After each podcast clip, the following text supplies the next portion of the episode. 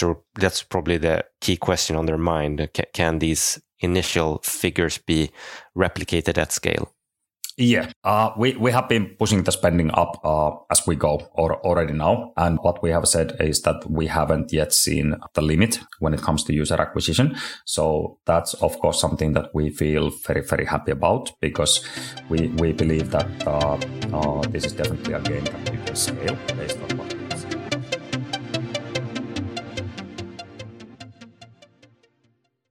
So today I have a guest, Jussi Tähtinen, I hope I pronounced that correctly, who's the yeah. CEO of uh, Nitro Games. We have done a couple of interviews here, both with Mag Interactive and SOSAB, so I like to continue to dive into the Nordic uh, mobile gaming ecosystem. So thank you for joining, Jussi. Thanks, Daniel. Great to be here. So, you know, one of the reasons I wanted to talk to you guys is because uh, you're in the process of a rights issue, and we can get to that later. But yeah. maybe we can just start out briefly by you giving a brief background on Nitro and uh, yourself. Uh, so, I'm Jussi Tähtinen. I'm the CEO, and co-founder of Nitro Games. We're a Finnish mobile gaming powerhouse, and uh, we're actually one of the oldest game companies here in Finland. We've been around for more than 15 years, and uh, my background is basically in the field of digital media. So for me personally, games used to be more or less a hobby. So I've been playing games and also one way or another making games pretty much my whole life. And uh, I used to build all sorts of mini games and do mods for different existing games as a hobby when I was studying and growing up. And uh, then in uh, early 2000s, uh, I had the opportunity to join uh, this digital marketing agency called Nitro FX here in Finland. And that's how I met my co-founder, Antti Villanen, who used to run that digital marketing business. And uh, he's basically a guy who comes from marketing and business background. And I'm a guy who comes from game development uh, background. And uh, we founded Nitro Games in 2007. Uh, back in the early days, we did a lot of PC games, a lot of strategy games. We used to work with Paradox Interactive there in Sweden. Uh, we did quite a few games with them. We did a little any, of... any titles uh, people would recognize? Yeah, I think our most successful title during those days was called East India Company. It mm-hmm. was a strategy game, real-time strategy game. Um, then we did a bunch of others with Paradox, uh, including Commander, Conquest of the Americas. We did a lot of pirate-themed games, games like Pirates of Black Cove. Um, and then we also did a little bit of what we call like white label work for other other players, like working on their games. We worked with Remedy back in the early days uh, with their Alan Wake title. Back in 2007, that w- was that pre Steam. Uh, no, we started the company in 2007, but our first game launch was actually in 2009. So it was already, you know, Steam was already hip and happening. Uh, we still did, you know, physical distribution of our games as well. So there were still games, you know, delivered on DVDs in, in boxes. But uh, the whole transformation to digital distribution pretty much happened very soon after that. So those were still the uh, Steam days uh, in 2009 when we did our first game launch but pretty soon after that, uh, uh, things things went into the direction where we were kind of growing as a studio. We were something uh, like uh, 30, maybe 35 people during those times. And uh, what we were seeing in the world around us was two things happening. One, we wanted to be more ambitious with where we want to take the company. And uh, we saw all the big PC and console game developers growing insanely big. Like you suddenly needed 100 people, 200 people in your studio to, to be able to be competitive and uh, building something like AAA games just became too expensive and big for us to do.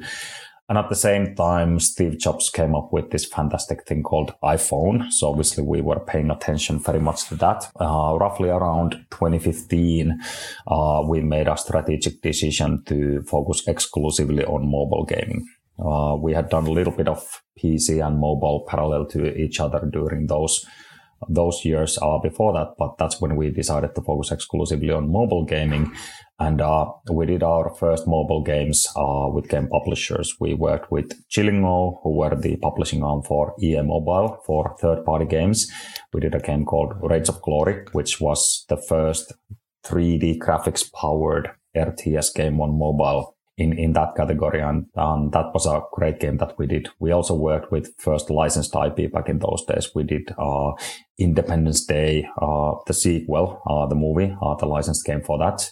The game was great, but the movie was not so great. So it wasn't exactly as successful as the first one.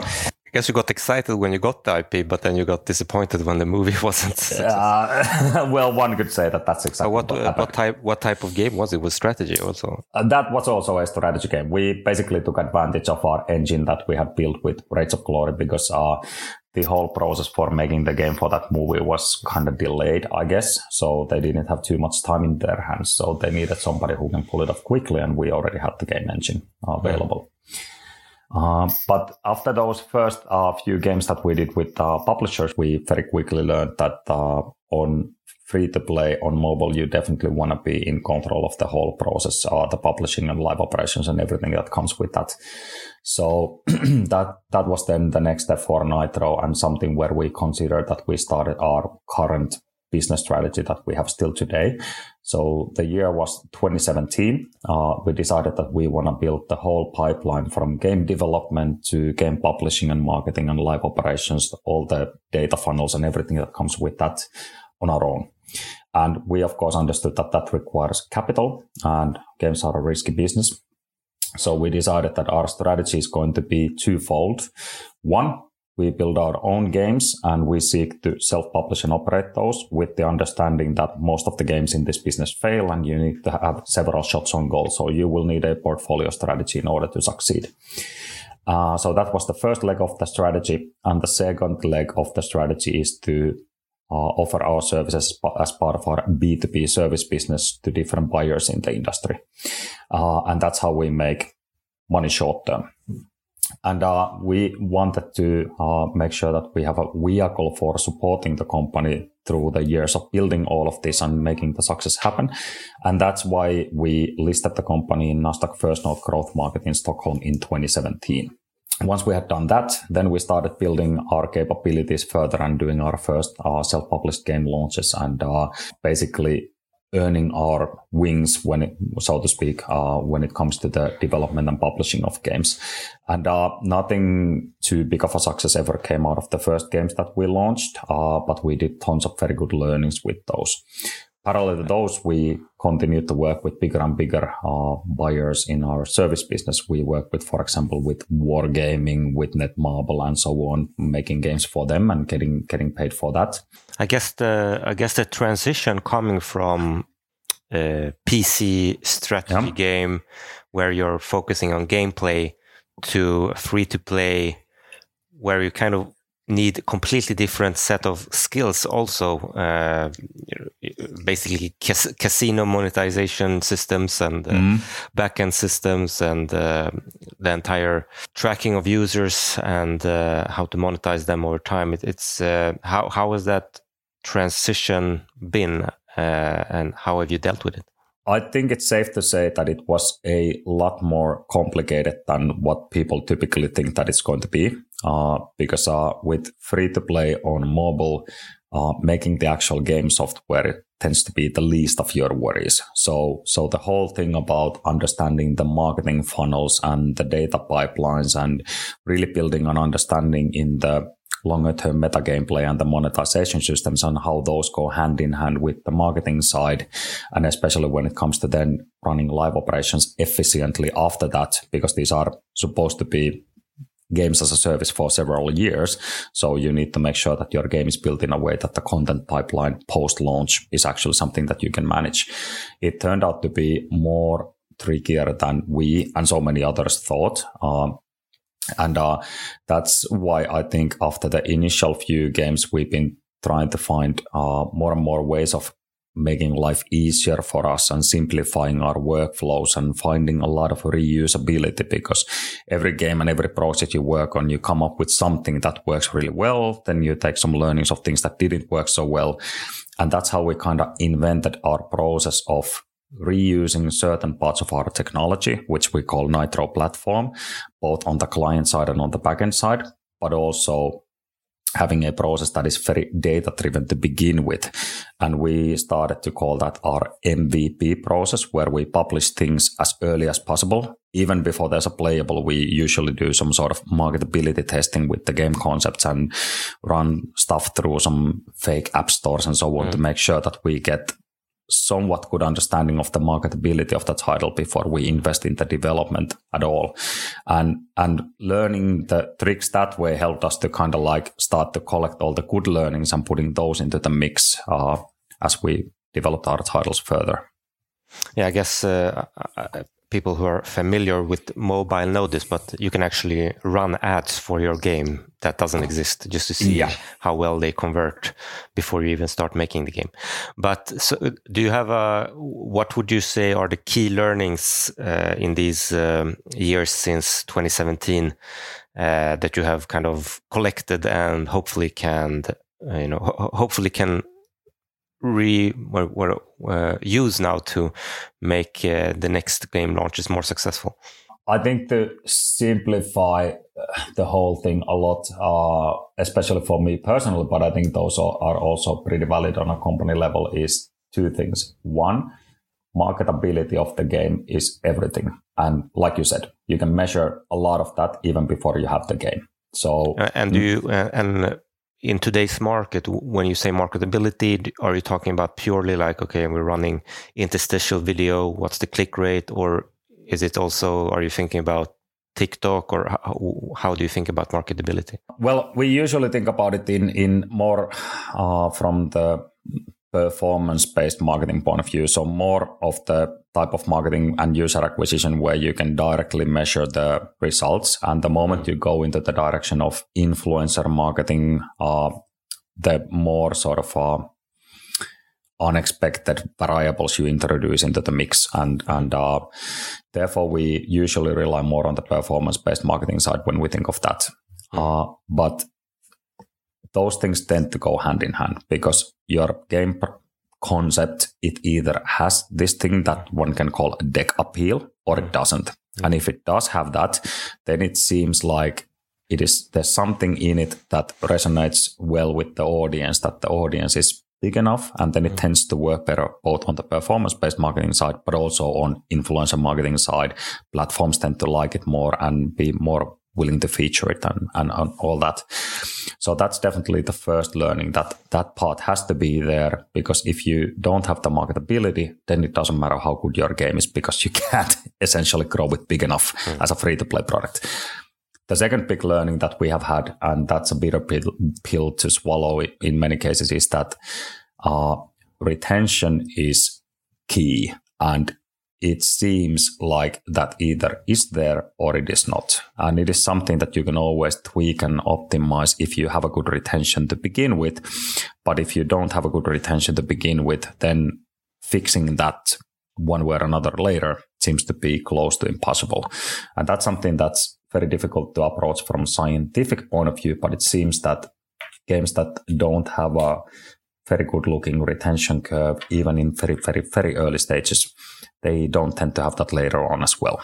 In today's markets, it's becoming even more so that uh, you you need a longer time period to monetize the users. You need them to retain. Uh, actually, I, I, guess we can dive straight into it. So, so, you're, you're you're raising money. I think it's about seventy million SEK. Uh, yeah. Looking to raise about seventy million SEK, and your business is basically twofold. You have this work for hire. Actually, let's talk a bit about that. So, I, uh, do the developers do they move between work for hire and the game or, or are they dedicated teams or how have you set it up? Well essentially uh, we have set it up in a way that we always have dedicated teams per product. Uh, there's the marketing and the live operations and the data people those are shared and serving whatever projects need the services at any given, given time. But the development side those are always dedicated team members. Uh, that said, since we use a lot of shared technology and so on, we are able to move people between projects depending on the what's the sort of uh, phase of the life cycle of the project. Mm. Usually, in the beginning, you need a little bit different type of pool of talent that you need towards the end, and so on. And in our what you refer to as work for hire, we call it our B2B service business. Mm. Uh, and that part of the business is something that's approaching our vision of becoming the household name for action and shooter games from a little bit different angle. In our self-publishing, where we self-finance and self-fund our projects and seek to control the whole uh, whole e- sort of uh, value chain our own on our own, uh, that's where we tend to approach things from more streamlined uh, fashion and focus on mobile only. But in our B2B service business, we then approach the concept from a different perspective. We seek to work with bigger companies who have IPs on other platforms, usually PC and console IPs, where they seek to have a mobile extension of the IP one way or another. And those are what typically the... much larger projects and something where we operate in a much more uh, bigger production values usually. So what? So what are typical kinds of B two B services? Is it porting or graphics or uh, content creation or what type of services is, is it?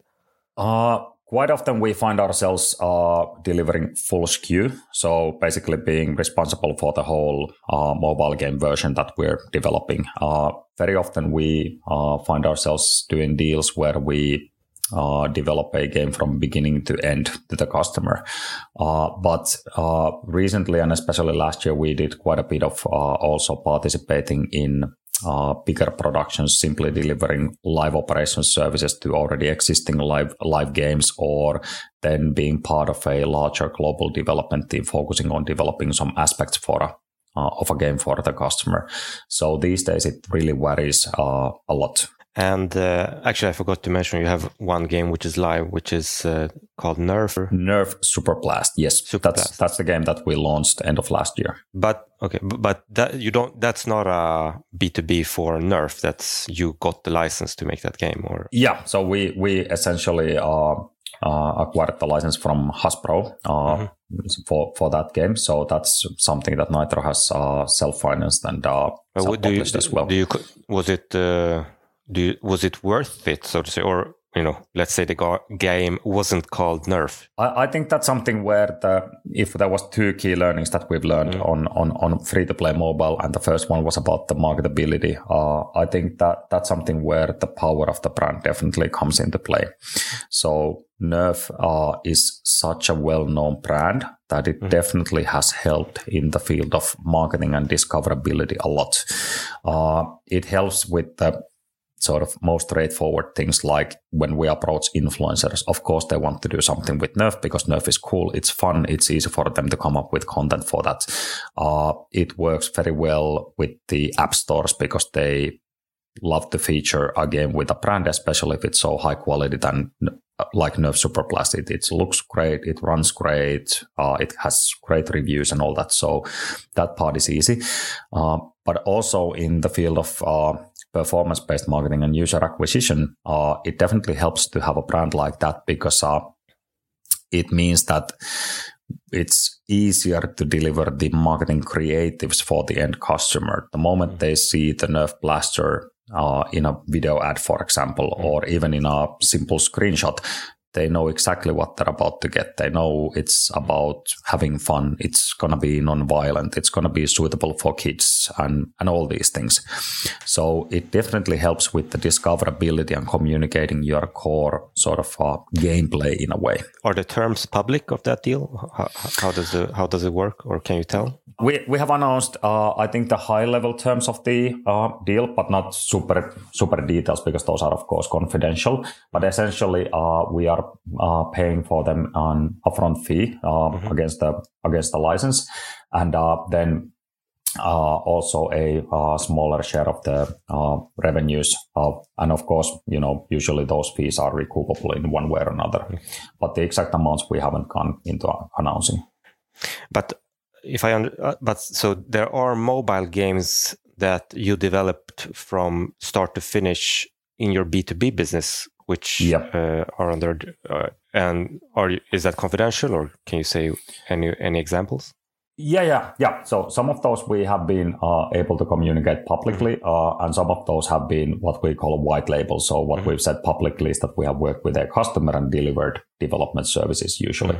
So historically, what we have done on mobile side, for example, we have done a game called RuneGate Heroes for wargaming. Uh, mm. A few years ago, uh, we delivered the Hunter mobile for uh, Avalanche mm. Studios or Expansive Worlds. Uh, we worked with uh, Rovio in, in connection with a few different Angry Birds titles that were already live. So we participated in working on the monetization of those games, and our job was to basically improve improve that side. Uh, and then and uh, in your is there a, is there ever a revenue share component in your B two B business? Uh, that that depends. Uh, in in some cases, uh, we have it, and in some cases we don't. So so technically, the answer is yes. There is. Uh, the exact revenue shares we usually haven't spoken about publicly, but uh, more and more what we're seeking to do is to make sure that uh, because most of these games fail, and mm. whether the game becomes big enough and mar- whether it's marketable in the long run, that's heavily depends mm. on the portfolio strategy that the buyer has. So we typically tend to structure the deals in a way that uh, as we are in the development phase and it's still uncertain if the game will see light of day beyond soft launch, for example, mm. then we typically favor more the structure where we have more traditional work for hire uh, type of thing where we make sure that we get paid and get our profit margins no matter what happens with the project in the long run. And then as we approach the live phase and uh, those type of things, then we seek to uh, look at the deals differently. And have you ever communicated kind of what is the margin of the B2B business? No, no, no, we haven't. Well, we have said that it's profitable, but we don't want to go into communicating those too much because it's a obviously a competitive business where we compete against other studios when we want to get those projects. And uh, then again, uh, we don't necessarily want our buyers to know our exact margins either. So, what if you do 100%? Like instead of raising capital, you just, okay, let's do B2B, 100% B2B for a couple of years, accumulate money, mm-hmm. and then make our own game. Uh, that that's something that um, we have, of course, you know, entertained the idea that uh, how, how, would it look like if we would only do that.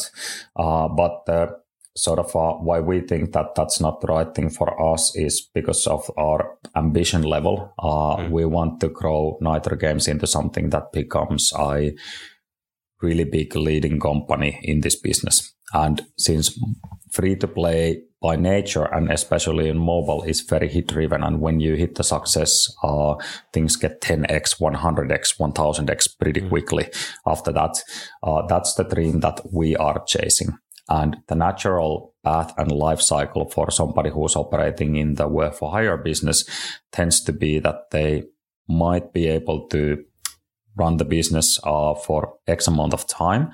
But the moment they find themselves working on something that actually becomes really successful, they tend to get acquired by the buyer who has that project because it doesn't make too much sense to keep paying those revenue shares and so on. And they want to make sure that the core team is well uh, connected with the uh, buyer side uh, team members and so on. So there really isn't that good of a avenue to growing the company really big on that front. Mm. Unless you want to go into the field of sort of uh, just selling pure muscle and not mm. selling uh, live services or data pipelines, but then you don't want to be competing against, you know, Eastern European studios or Southern American studios uh, with that because then you're essentially competing with price. And in Nitro, we're not competing with price. Uh, we're not the cheapest option out there if you want to buy services, but we're competing with quality. So we want have positioned ourselves as being uh, a company that if you buy from us, you're not buying just the development muscle. You're not just buying the engineers or the artists, but you're buying the full understanding of free to play and the data pipelines and the live operations side, and especially buying the quality uh, on top of the capabilities on the engineering side. So I think you mentioned engine a couple of times. You're not using Unity for your games, or we are actually using Unity uh, with our own titles uh, most of the time. Uh, in our B2B service business, we also work with some proprietary technologies that the buyers have from time to time, mm-hmm. as well as uh, quite a lot with Unreal Engine uh, mm-hmm. these days. Uh, what we mean with our technology is essentially three things So what we like to call Nitro platform is a collection of a lot of different modules. Some of those modules are on the client side, most of them in the Unity game engine, things that we have built like that you can easily implement from one game to another. They can be your battle pass system or your mm. shop mechanics or whatever those might be, player account management, mm. what have you.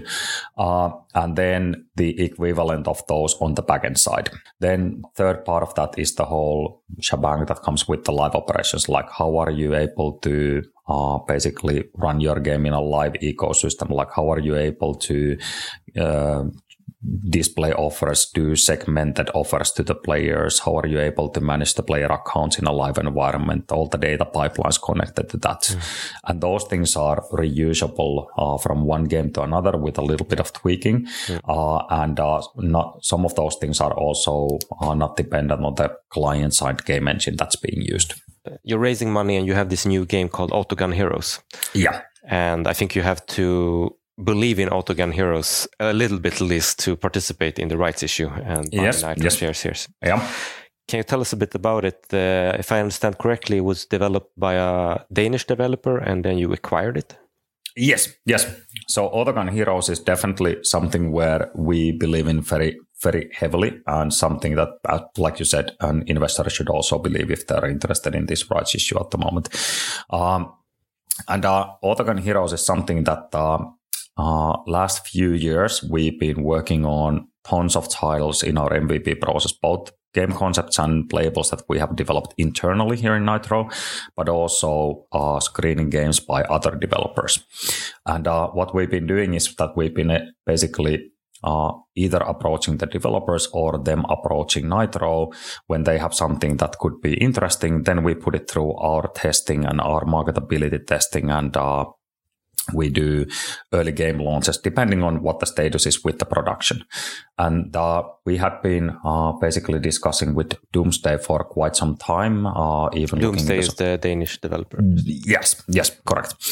Uh, and we looked into their previous title, and uh, that didn't didn't go anywhere. But then uh, we followed uh, Autogun Heroes as well. Uh, a little bit more than one year ago, we agreed with them on the sort of initial testing plan that we take the game into our testing, and if the numbers are uh, meeting our expectations, then then we take things forward from there. And uh, we essentially uh, run limited scale market testing with the game. And what we saw was really great retention curves, especially considering that the game did not have too much of content at that point. It had the fantastic core gameplay mechanics in there, but not so much depth in the meta gameplay or anything that would justify to create longer term retentions.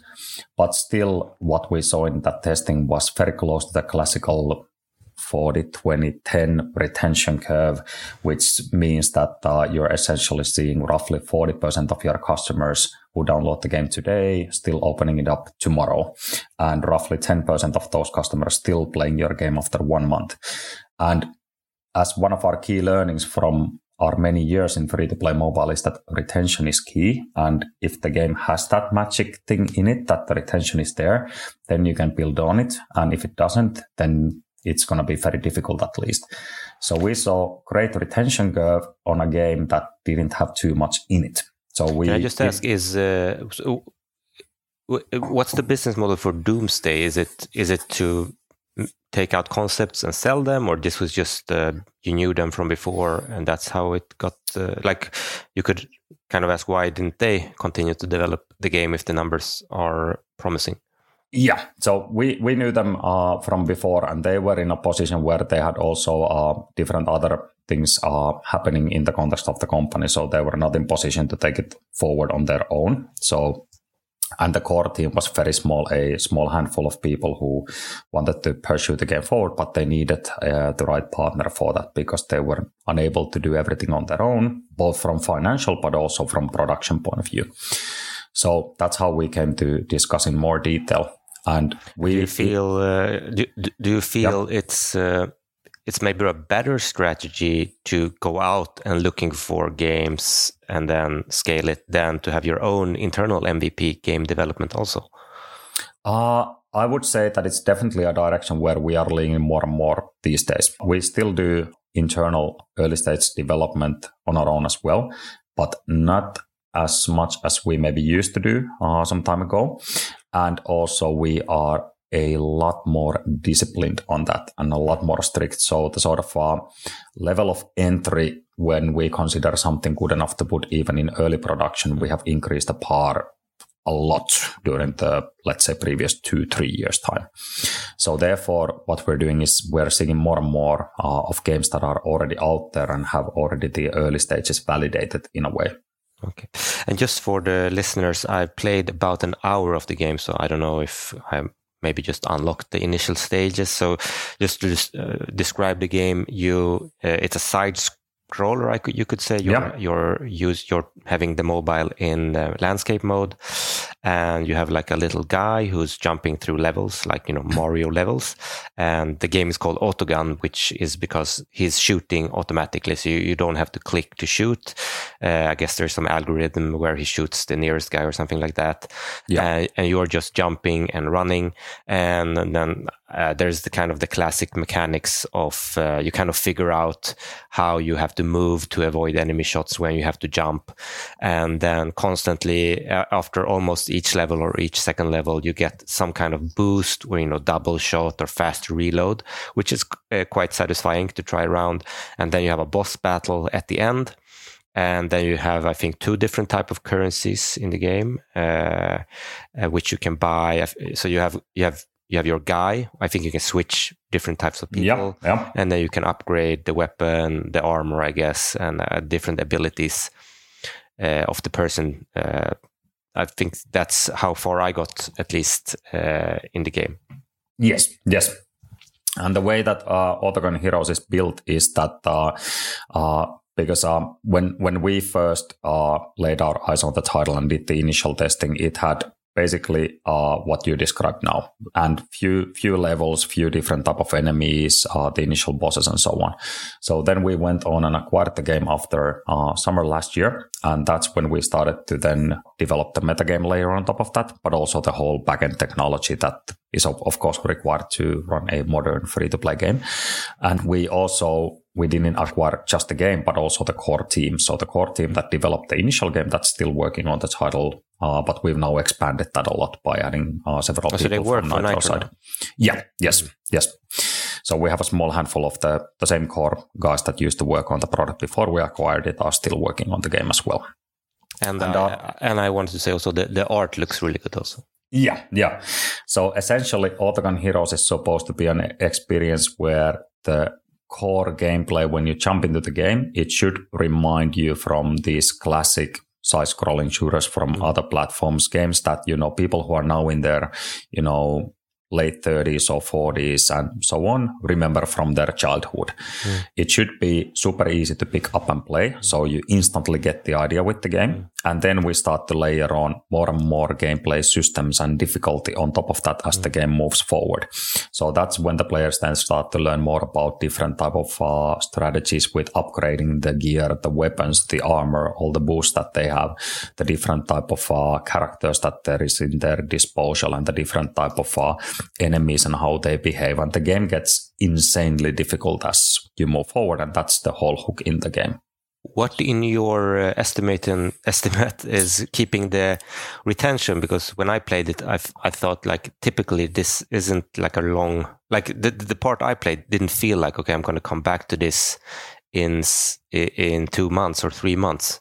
But I guess maybe I didn't kind of kind of play long enough to get really into the meta. Or what's your theory about the retention? Basically, there there was something in the core gameplay already when we acquired the game that uh, for some reason players sticked around for quite some time.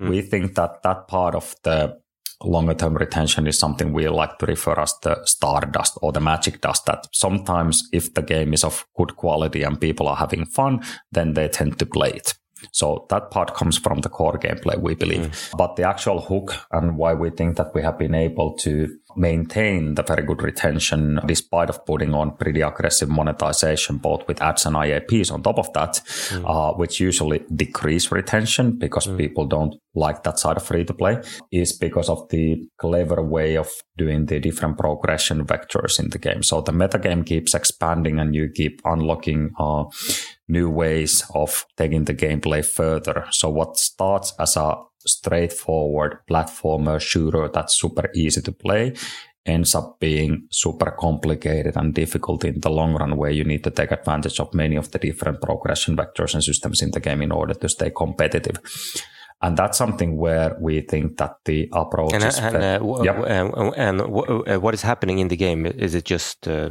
the enemies get more difficult or is it the levels or because i don't ah. think i played enough to experience it yeah it's a combination of both so the enemies get more challenging uh, and the levels or the rooms actually uh, because everything usually happens in one room. So you enter the room, you clear the room empty from enemies, and then you move forward to the next room. And those get more uh, complicated and difficult uh, as you progress further in the game.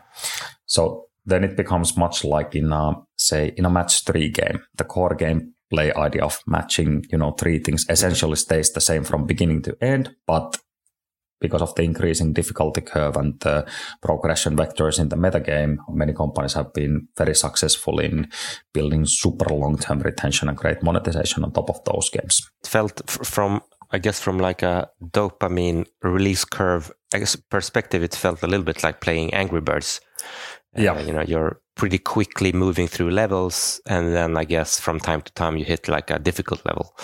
Uh, yeah. Uh, yeah, yeah, and like that's yeah that's I think actually something that when we you earlier asked about our key learnings on mobile mobile and uh, the sort of uh, retention curve and the secrets behind a good retention curve essentially boils down to the sort of how many minutes you're able to steal from the player on a daily basis like how long are they playing your game and because the longer they play the more likely they are to stay around and uh, what we have learned is that essentially, if you have a super complicated hardcore game, players might perceive that when I fire up this game, it's going to be at least half an hour of my time. And maybe I don't have that half an hour right now. So maybe I'm not going to fire up this game, but let's try Angry Birds instead, for example, like you said. Mm. But what we have seen with Autogun Heroes is, is very interesting because it's essentially a game that you can open up and start playing for. If you have a few minutes to spare, you can have a little bit of fun and make a little bit of progress. Or if you have 15 minutes, you can already achieve quite a bit.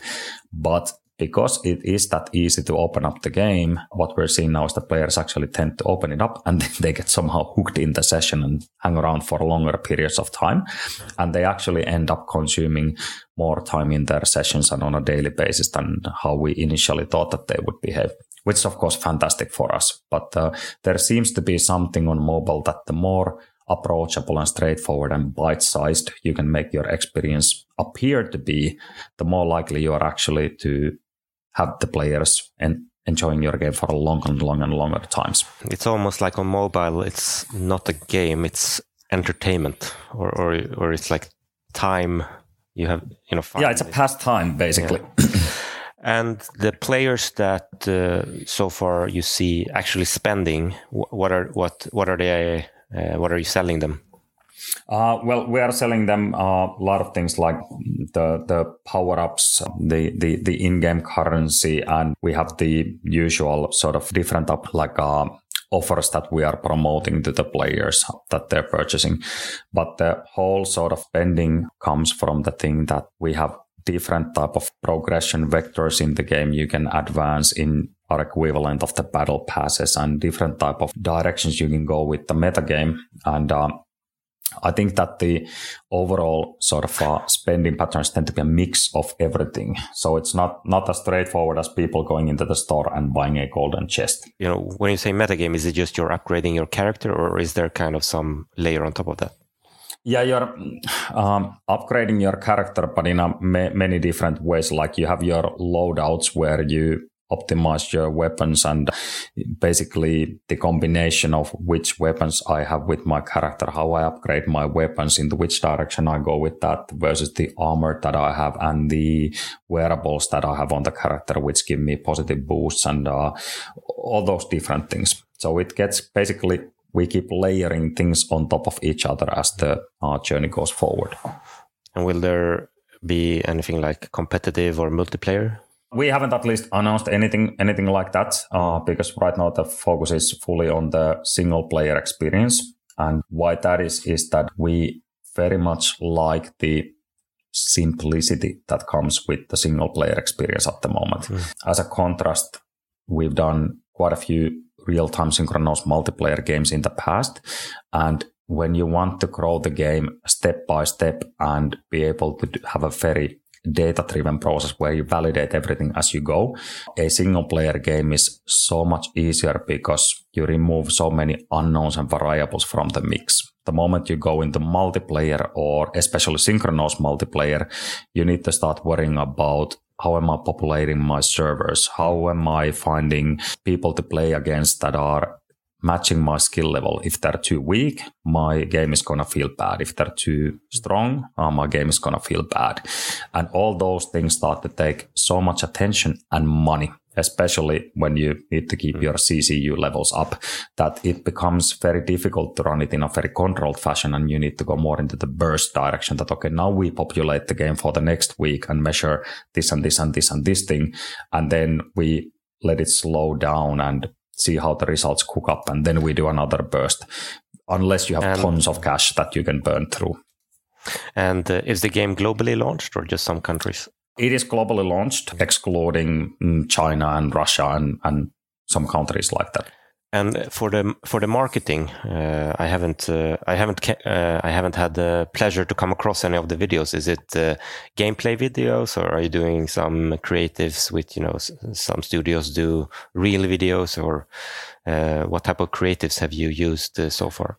We have used a lot. So um, because um, basically we're still in a mode where we are going through a lot of different new campaigns and new type of creatives and uh, we're running user acquisition on, on quite a many fronts already now. Uh, we essentially started what we call a launch phase, which for us is usually six months at the beginning of June. And the first month is just validating that everything works in a larger scale and then unlocking bigger and more spending uh, step by step as, as we go forward. Uh, so we have everything from your gameplay driven creatives into gameplay combined with rendered CG all the way to different TikTok videos where obviously it's, you know, more about the people than, than the game itself. And, uh, everything in between. The only thing that we haven't yet done in uh, with Autogun Heroes too much is the more traditional influencer marketing in terms of YouTubers and stuff, because uh, that's something that we have learned that better works when uh, you're already in a little bit bigger scale because of the uncertainties in, involved with that. And obviously, the big question is, uh, you know, how high can you scale these initial uh, positive uh, numbers. I think the challenge will be that shooters is a competitive uh, genre. Uh, yep. this this is like a mid casual shooters. You're not necessarily competing with PUBG, but yep. I think most investors that's probably the key question on their mind. Can, can these initial figures be replicated at scale?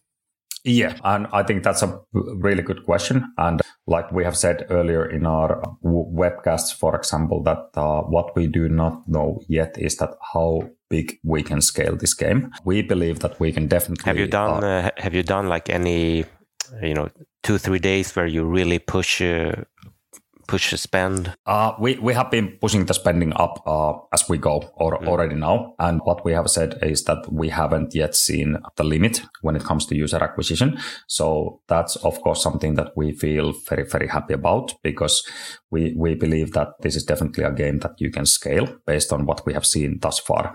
But we, we don't want to go around and throwing any guesses in, in terms of how big you can scale it. Um, like we are definitely not competing against your PUBGs or Call of Duties because it's not that type of a shooter game. So we are more in the ranks of like, you know, Archero type of games mm. or survivor.io or um, Mr. Autofire or anything in the games of that range. And those games are something that many mobile game players haven't necessarily even heard of. Some have, some haven't, but there are still games that are returning tens of millions of annual revenues in, in euros or up to hundreds of millions of annual revenues in euros and so on. So the scales can be really big, but how far we can go with Autogun Heroes, we don't know yet.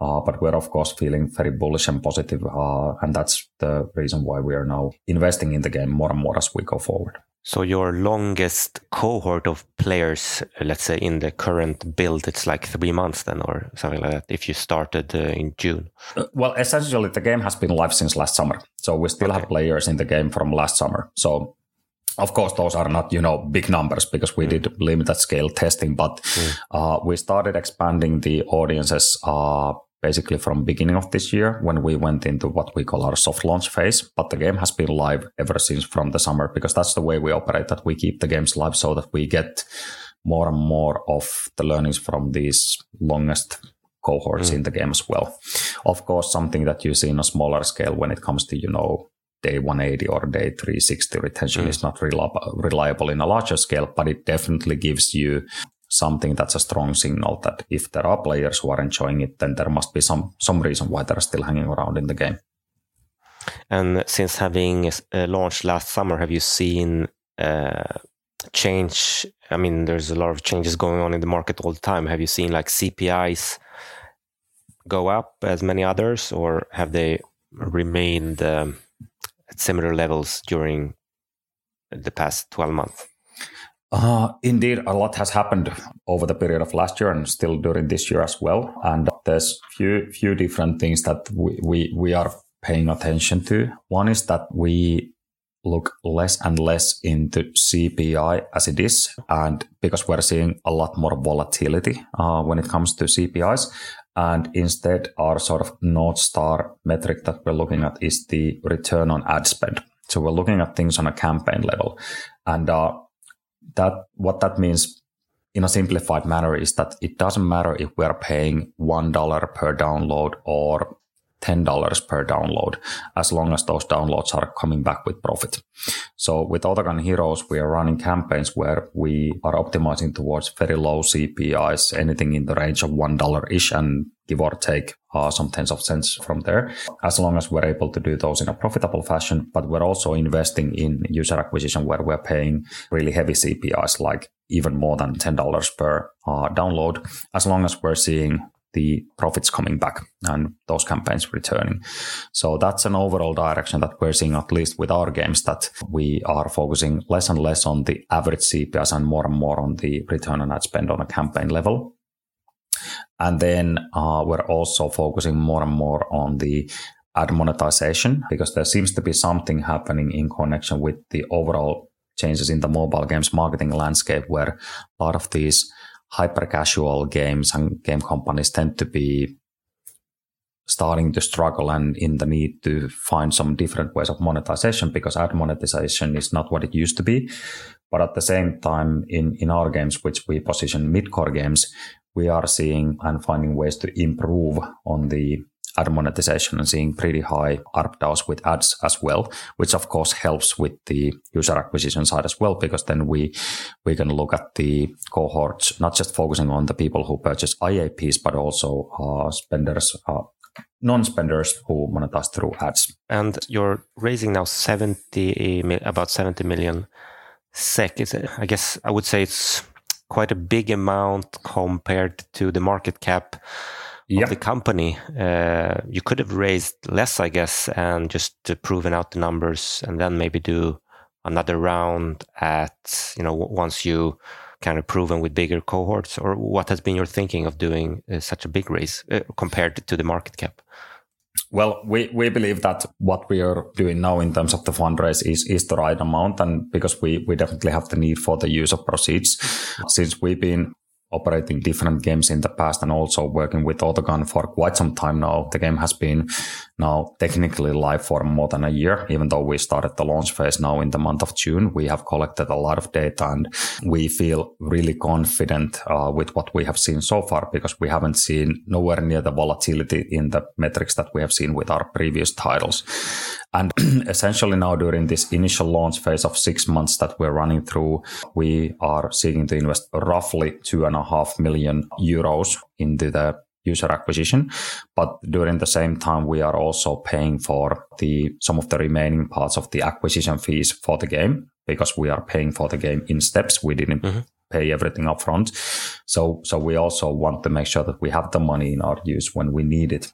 And the process of doing a preferential rights issue, it's a process that takes many, many months with all the preparations and uh, decision making and the subscription periods associated with that. So it's not definitely something you want to be doing all the time in a way. And how does the internal incentive structure look uh, like? Uh, how uh, are, what's you know your shareholding or other people in the company? I have shares in the company and the whole management team and my co-founders and and you know people have shares. We're not major shareholders, so that that's a, that's something that's definitely a fact. But then again, we have a pretty lucrative uh, stock option plans. This is all listed in our prospectus yeah. and on our website as well. But so most of our incentives come indirectly through the stock option plans. So yeah, do you do you, do you, do you even um, uh, what do you call it? Do you have the the the guts to even think about what uh, a MAU for Autogun Heroes could be? You know, obviously profitable, uh, still profitable. Uh, we, we don't want to go into speculating with uh, future numbers like that because uh, what we have learned so far on our journey of being a public company that the moment you spits out some numbers, people get tied into those, and then uh, then then all you need to do is to give people answers whether that are we there yet, are we there yet. So we don't want to go into forecasting the future in any way, other than saying that we, we believe that this is definitely a title where we can keep scaling the game up in a profitable fashion. And when do you, because you're still in soft launch? No, no, we are now technically oh. in the uh, in in the launch phase. So okay, but from the, so the game is you know I would say yeah, yeah feature yeah. complete, um, but you're I guess you will always be adding stuff. Yeah, yeah, because uh, during this launch phase of roughly six months, we keep, of course, adding features into the game uh, because we validate things uh, continuously. But even after that, when we go into live operations phase, you can expect us to keep adding more and more stuff into the game because free to play games are never complete in a way. It's an ever growing and ever living service. So, pretty much as soon as you close the rights issue, you will be starting to scale marketing. Uh, user acquisition. Yes, yes, we will continue doing that. We have already started investing into the user acquisition already, mm. you know, before completing the round, and uh, we are increasing the spending step by step as we go already during this process of doing the rights issue. But of course, we will do more of that after the funds have been raised. Yeah, really exciting to see how it goes. I I uh, really hope you will be successful. I think it's interesting to have like a, a shooter game which is uh, kind of which yeah which, is able to fill this five minute gap which everyone is looking for now. Uh, you start it up uh, and play around and that you keep people around for the meta. It's really promising. So thanks you for your time yeah. and uh, anyone every, anyone who wants to uh, check out your rights issue can go to i guess your webpage investor yeah. Just go to nitrogames.com and there will be a button on the front page. Yes. Perfect. Good luck and thanks for your time Jussi. And thank you daniel